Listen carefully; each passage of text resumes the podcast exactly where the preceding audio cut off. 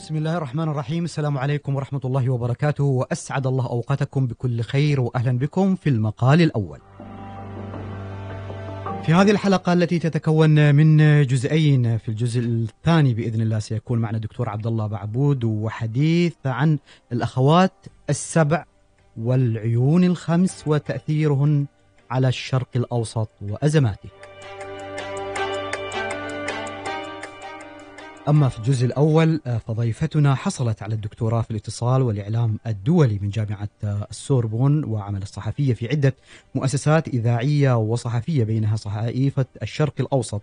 قبل أن تكون أحد أهم الأسماء الإعلامية اليوم والتي يتابعها المواطن في الخليج العربي عبر برامجها في مونتي كارلو الدولية وخاصة برنامج آه، ساعة خليجية. تكتب آراءها بوضوح على تويتر فتتلقى كثيرا من المعارك أحيانا وفي أحيان أخر. تشجيع وتصفيق لكن المعارك قد تطحن المرء خاصة إذا عمل الصحفي من قبل البعض كمتهم مدان بغض النظر عن أي أدلة لبراءته. للحديث عن الصحفي وتعبيره عن رأيه في العالم العربي الذي يحتوي على كثير من الاستقطابات من كل الأطراف سواء أطراف ليبرالية أطراف علمانية أطراف إسلامية وأيضا دول واتهامات أحيانا ليس لها معنى عندما يعبر الصحفي عن رأيه تصل إلى حد خيانة الاتهام بخيانة الوطن. معنا الدكتورة الصحفية إيمان الحمود من باريس. مساء الخير دكتورة. أهلا وسهلا بك أستاذ عزيز. أهلا وسهلا بك وشكرا جزيلا على الاستضافة. حياك الله. سعيد بوجودك معنا. أنت صحفية يعني بكل ما تحمله الكلمة من معنى. تقدمين عمل صحفي جميل وجبار وتحية لكل زملائك في الإذاعة معك. وتعبرين أيضا عن رأيك على وسائل التواصل الاجتماعي وخاصة تويتر في ظل عالم عربي في كثير من الاستقطابات والكل ينتظرك على كلمة. لو نبدأ نتحدث شوية من تجربتك ثم نذهب إلى العام يعني ويمكن من خلال تجربتك نقدر نقرأ ماذا على الصحفي أن يفعل في ظل كل هذه الاستقطابات. من تجربتك اليوم بعد فترة طويلة وأنت تعبرين عن رأيك في تويتر. هل نقدر نقول إنه والله كنت تتمنين إنه لا كنت أهدى من البداية ولا حسيتي لا يفترض إني أعبر عن رأيي وراح أواصل؟ للأمانة أنا أنا من الناس الذين تأخروا في دخول عالم التواصل الاجتماعي وخاصة تويتر يعني أنا بدأت التغريد ربما في بداية العام 2015 بشكل جدي.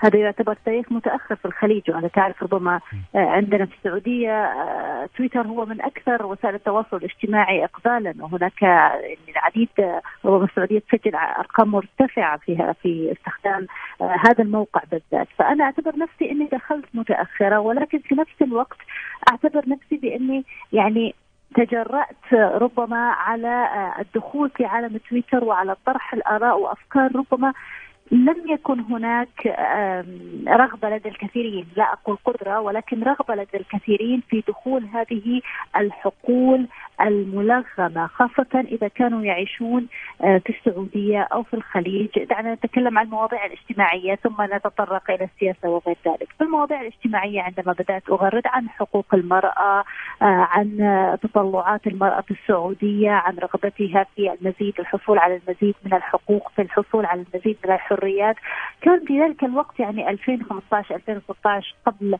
يعني قبل وصول الحقوق التي وصلت للمرأة قبل وصول ولي العهد الأمير محمد بن سلمان كانت بالنسبة للناس كان هناك ربما رغبة في عدم التطرق إلى هذه المواضيع، كانت الناس تتحدث إلي سرا أنه أنت تعيشين في فرنسا لذلك أنت قادرة على التعبير عن رأيك، نحن ربما غير قادرين على التعبير عن رأينا بهذا الشكل، أنا أعتبر ذهبت أبعد مما ذهب أقراني في هذا المجال. وأعتقد بأن أنا وأمثالي صنعنا فارقا عندما تمكنا من نقل الصورة بشكل مغاير لما كانت تتناقله أساسا الأوساط الاجتماعية، الصورة النمطية للمرأة السعودية. هنا أعتقد بأني أنا بدات بدأت أتلمس طريقي في عالم تويتر وبدأت أعبر عن رأيي، بعد ذلك تطرقت أو أو المجريات في عالمنا العربي بصراحة بشكل عام وليس في الخليج فقط أجبرتنا على الدخول وعلى التعبير عن رأينا في المجال السياسي وانت تعلم ما الذي حدث يعني من الأزمة الخليجية وما تبع ذلك. أصبح الإعلام يجد نفسه مسؤولا بشكل ما أو بآخر آه، على التعبير عن رأيه ويعني وعدم الاصطفاف. هذا هذا أهم نقطة في الموضوع أنك تعبر عن رأيك دون يعني أن تصطف يعني أنت ذكرتي عدم الاصطفاف. اليوم في العالم العربي كيف يصدقوك إن أنت ما مصطف مع أحد؟ هذه هي المشكلة هذه مشكلة كبيرة عزيزي. أنت تتحدث عن عالم يفهم فقط أنك أنت مستقطب أنك أنت مدفوع لك لتقول هذا الكلام. إذا فشلوا في استقطابك لأحد الأطراف العربية أنت مصطف أو أنت يدفع لك من الأجنبي، يعني هل تفهم هل هل يمكن أن نتخيل بانه في العالم العربي الآن لا يمكن أن نأخذ شخص أو نتعامل مع شخص على أنه كائن مستقل يقول رأيه، رايه أعجبني أم لم يعجبني هذا أمر آخر، ولكن إني أتعامل معه كشخص يقول رأيه الذي هو مقتنع به.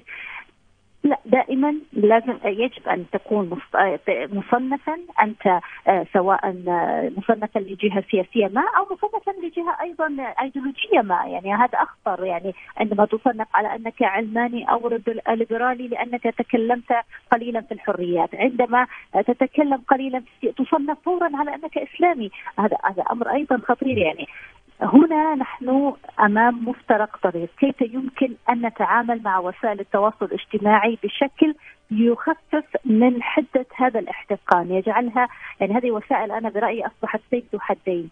آه هناك من يقول لي بأنني انسحبت من تويتر، أفهمه تماما، من يقول بأنه انسحب وترك هذا العالم أفهمه تماما، لأنه يصل إلى إلى مفترق طريق لا يستطيع أن يعبر عن رأيه بحرية. وفي نفس الوقت لا يريد أن يغضب هذا الطرف أو ذاك وبالتالي يقول يعني كفى الله المؤمنين شر القتال ودعني أخرج من هذه المعركة. كفى الله المؤمنين شر القتال مثل ما ذكرت كثير من الناس اتخذوا هذا المنهج إنه خلاص يا أخي ليش أنا تعب عمري وليش أتعب حالي وتجيني كل هذه أحيانا من الشتائم والتنمر. التعامل مع التنمر هل تشعري أحيانا إنه هذا التنمر آه، يصل إلى حد إنه ربما أوقف كثير من الصحفيين اليوم عن التعبير عن رأيهم؟ أنا راح أتكلم عن تجربة شخصية وأنا كثير ناس يستغربون مني إنه أنا كيف لا أرد؟ يعني لا أرد على التنمر، أنا تعرضت للتنمر كثير يعني هو أكيد أنت متابع وتعرف، بس أنا من النوع اللي ما يعني ما ما عندي هذه الطبيعة إنه إذا أحد تنمر علي إنه أرد عليه وأفتح معارك في تويتر وأفتح معاه. هذه يعني ما ما تعودت عليها في حياتي الشخصية ما تعودت عليها فكيف بالحياة الافتراضية. لكن مثلا في بعض الزملاء ألاحظ بأنهم يفتحون فعلا معارك مع مغردين حتى أحيانا المغرد مجهول. صحيح انه أنه في أشخاص ربما قدرتهم النفسية لا يعني لا يستطيعون أساسا التحمل تحمل كل حملات التنمر وبالتالي يبدأون في معركة من هذا النوع يبدأون في خوض المعارك التويترية بين قوسين مع مغردين حتى أحيانا مجهولين، قال كلمة أرد عليه بعشرة، فلان قال كلمة وفي بعض الجهات أساسا يعني تكون في قمة السعاده لأنها استطاعت أنها تستفزك وتجرك إلى هذا المستنقع. يعني هناك الكثير من الإعلاميين من دخلوا في مستنقع الرد والرد على فلان وشن حملات وغير ذلك. هنا أيضا يقع الإعلامي أمام مسؤولية. كيف يستطيع أن يحافظ على صورته أمام جمهوره؟ أمام جمهوره وعدم الانزلاق في مستنقعات آه، آه، الشتائم أو الشباب أو حتى الرد الردود التي لا تغني ولا تسمن من جوع. هنا طيب. أيضا هذه تقع مسؤولية على الإعلامي طيب كيف يعني هذه المعادلة اللي ذكرتيها دكتورة اسمحي لي المعادلة اللي ذكرتيها إنه يحافظ على صورته بس ما يرد. كيف قدرتي توازني وكيف ممكن الصحفي يوازن؟ هو في النهاية أحيانا في حملة تشن عليه. بغض النظر هل هذا التنمر كان تنمر طبيعي أو تنمر نسميه بين قوسين ممنهج من جهة ما. هو ممكن يكون تنمر طبيعي وممكن يكون ممنهج وفي الغالب أصبح اليوم ممنهج هذا التنمر. ولكن يعني الصحفي امام أمام نفسه يعني أمام نفسة في المرأة كيف ينظر لنفسه؟ يعني هل هل سينفعك يعني هل سينفعك بأمر ما لو أنت دخلت في هذه المعارك؟ أنا بالنسبة لي يعني اتهمت حتى وصلت إلى خيانة الوطن ولا زال هناك من يتهموني بخيانة ممكن أسألك سؤال يعني معلش إذا تسمح لي دكتورة. لما جاكي هذا لما جاكي هذا الاتهام وتعرف دائما الواحد لما يكون بعيد عن بلده دائما يعني المشاعر مشاعر الحنين إلى البلد مشاعر يعني هذه مسألة طبيعية عند كل البشر. لما أول واحد اتهمك بخيانة الوطن آه، كيف تعاملتي مع الموضوع نفسيا؟ شوف أنا لا أنكر بأنه الاتهام يعني كبير يعني أنك أنت لما تتهم لانك مجرد صحفي وتعمل في الخارج وعندك برنامج وتتطرق لكل المواضيع في البرنامج أو تعالق مثلا كضيف في بعض البرامج أنك تتهم بخيانة الوطن لأنك حللت امرا ما سياسيا وأنك يعني هذه هذه لم تكن موجودة من قبل، هذه هي المشكلة أنها لم تكن موجودة من قبل، صحيح في المرة الأولى ربما تكون صدمة بالنسبة لك، ولكن تقف هنا أمام سؤال، هل ترد؟ هل تدخل في هذا في هذا المستنقع أم أنك تعرف بأنك أنت لم تكن وطنك يوما، أنت كيف تنظر إلى نفسك في المرآة؟ إذا وجدت نفسك في المرآة كما أنت فما ما في داعي أساسا إنك تدخل في هذه المهاترات هذا واحد ثانيا هناك على فكرة الكثير من أبناء وطني ممن وقفوا معي ودعموني في في الخاص أنا خليني أقول لك بصراحة ربما لم يكونوا قادرين على التعبير في في الفضاء العام ولكن كانت تصلني رسائل دعم ورسائل ناس يثقون بي ويعرفون من أنا. حينها اعتبرت إني أنا الدخول في عالم المهاترات غير مفيد لي بما أن هناك العشرات وربما المئات من هم يعرفون من هي إيمان ومن هم مؤمنون بهذه الإيمان. يعني أنت من تجربتك تشوفي إنه عدم الرد هو أفضل شيء، يعني سواء والله أنا صراحة يعني سواء في اتهامات كبيرة يعني ومؤلمة مثل آه، خيانة الاتهام بخيانة الوطن أو حتى في الأشياء الأخرى العادية اللي ربما قضايا يعني هنا وهناك. يعني ممكن إذا عندك عندك تعليق على الموضوع إنك تذكر تعليقك في كلمة واحدة وخلاص. يعني إذا جاك اتهام رديت عليه بتغريدة واحدة وانتهى الموضوع. أما أنك أنت تستجر كل التغريدات وتحاول أن ترد على كل الأشخاص هذا بالعكس ربما يثبت حتى عليك التهمة يعني لأنه يحسون أنهم استفزوك في في في مرحلة ما وأن هناك شيئا تخفيه لأنه مستحيل أنك تكون هل بهالطريقه من من الحماس في الردود على أشخاص أحيانا مجهولين وعلى حملات أحيانا لا تعرف من أين مصدرها إلا إذا كان هناك أمرا ما تخفيه. كل ما كنت متصالحا مع نفسك كل ما كنت متصالحا مع جمهورك وأنت تعرف أساسا آه، هؤلاء الأشخاص الذين يتابعونك منذ أربع أو خمس سنوات يستحيل أن يصدقوا عنك شيء في غضون آه، يوم وليلة، يعني هذه أشياء يعني لا يمكن أن تحدث بين يوم وليلة، هناك ثقة، أنت هناك بنيت ثقة بين الإعلامي وجمهوره، هل يعقل بأن هذه الثقة يستطيع أحد أن يهدمها؟ يمكن يستطيع أن يشوش عليها، يمكن أن يصنع حولها بعض الظلال القاتمة، ولكن أن يهدم الثقة التي بناها الإعلامي بينه وبين جمهوره أعتقد هذه صعبة، لذلك هنا على الإعلامي عليه أن يمسك بزمام الأمور وعليه أن يتعامل بطريقة ذكية يعني اقولها بطريقة ذكية مع آه هذه الحملات، إذا لم يستطع أن يتعامل بهذا الذكاء وانزلق في هذا المستنقع نصيحتي ليستريح لا أقول ليترك عالم وسائل التواصل ولكن ليستريح ويبتعد قليلا ويحاول تقييم كل ما حصل ثم يعود مرة أخرى ولكن برؤية مختلفة للأمور. دكتورة تحدثنا عن الشق ربما النفسي أو التأثير على الشخص نفسه. الآن التأثير على المهنة يعني التأثير على العمل اليومي، أنت أحيانا تناقش مواضيع ربما طرحت رأيك في في تويتر آه، بشأنها تناقش ضيوف تحاورهم آه، هم قد يكونوا خلاص عرفوا بالضبط إيش رأيك الشخصي، هل تحسي هذه المسألة تأثر ولا لا؟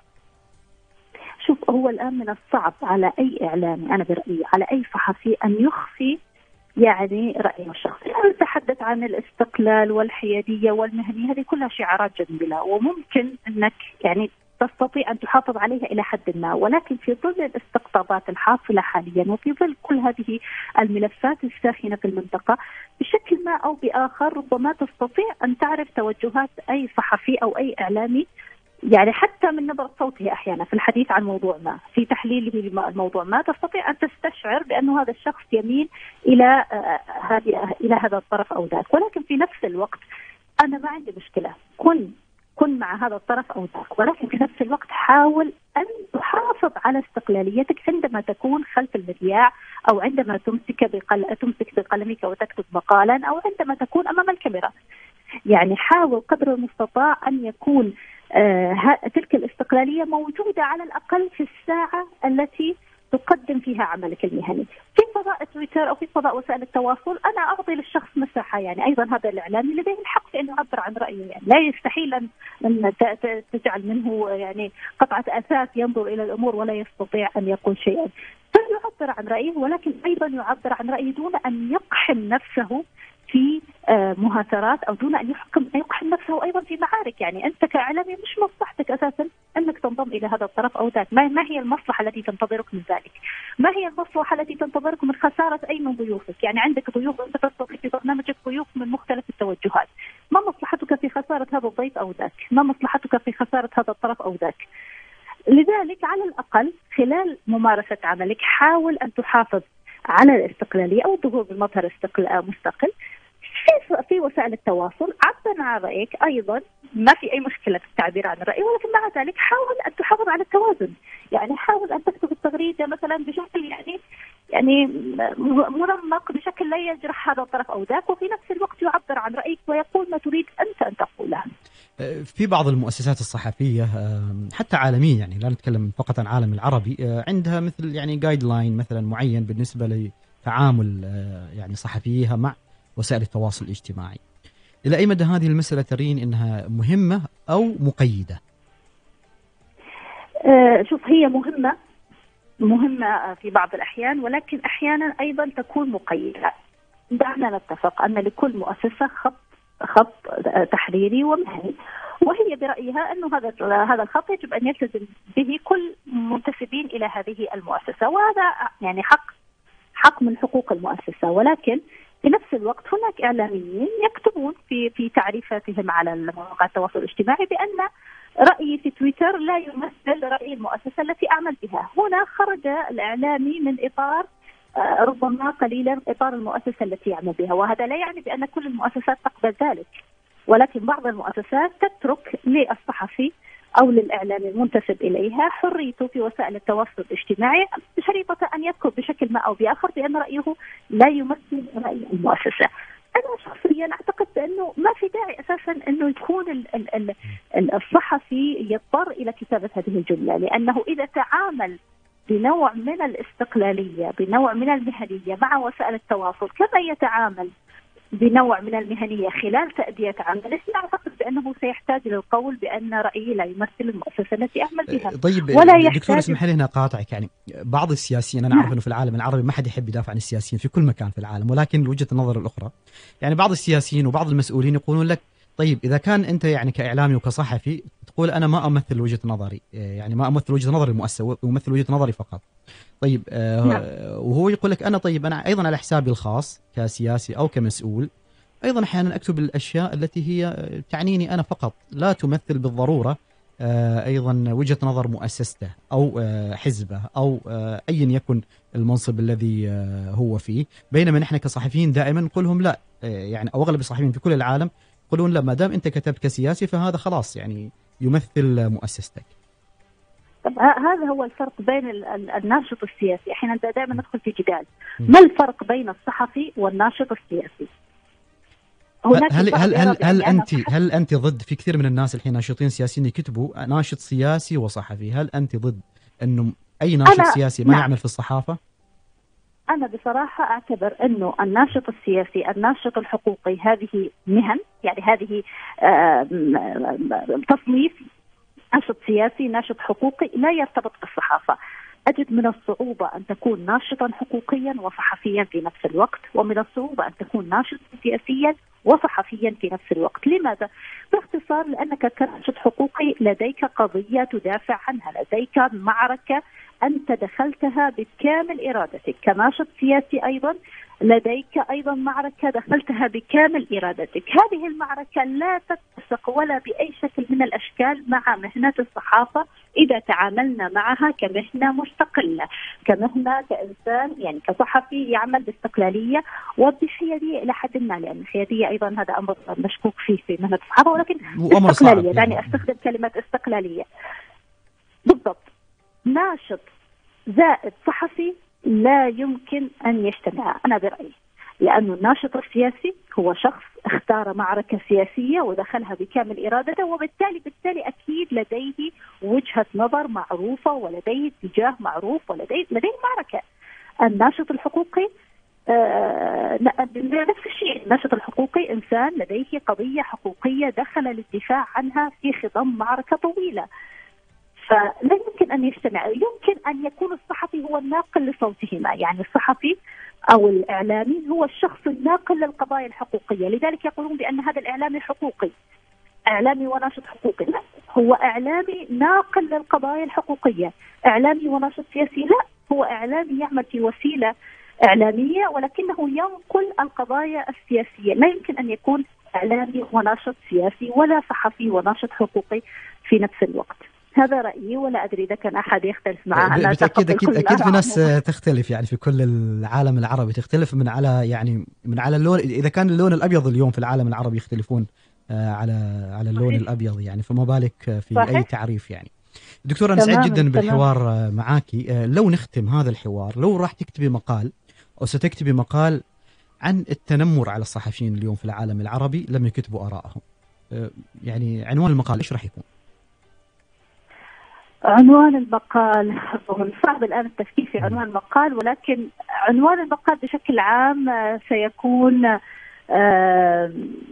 يعني الأيام دول أعتقد بأنه سيكون هكذا لأنه اليوم أنت تتنمر عليك بسبب معين أو غيرها وغدا سيتنمر عليك شخص ما لسبب ما أو لآخر وستذوق من نفس الكأس الذي ذقته في يوم ما.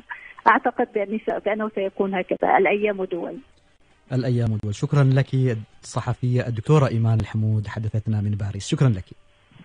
شكرا جزيلا عزيز. شكرا. مع السلامة. شكرا لك. فاصل قصير ثم نكمل المقال الأول.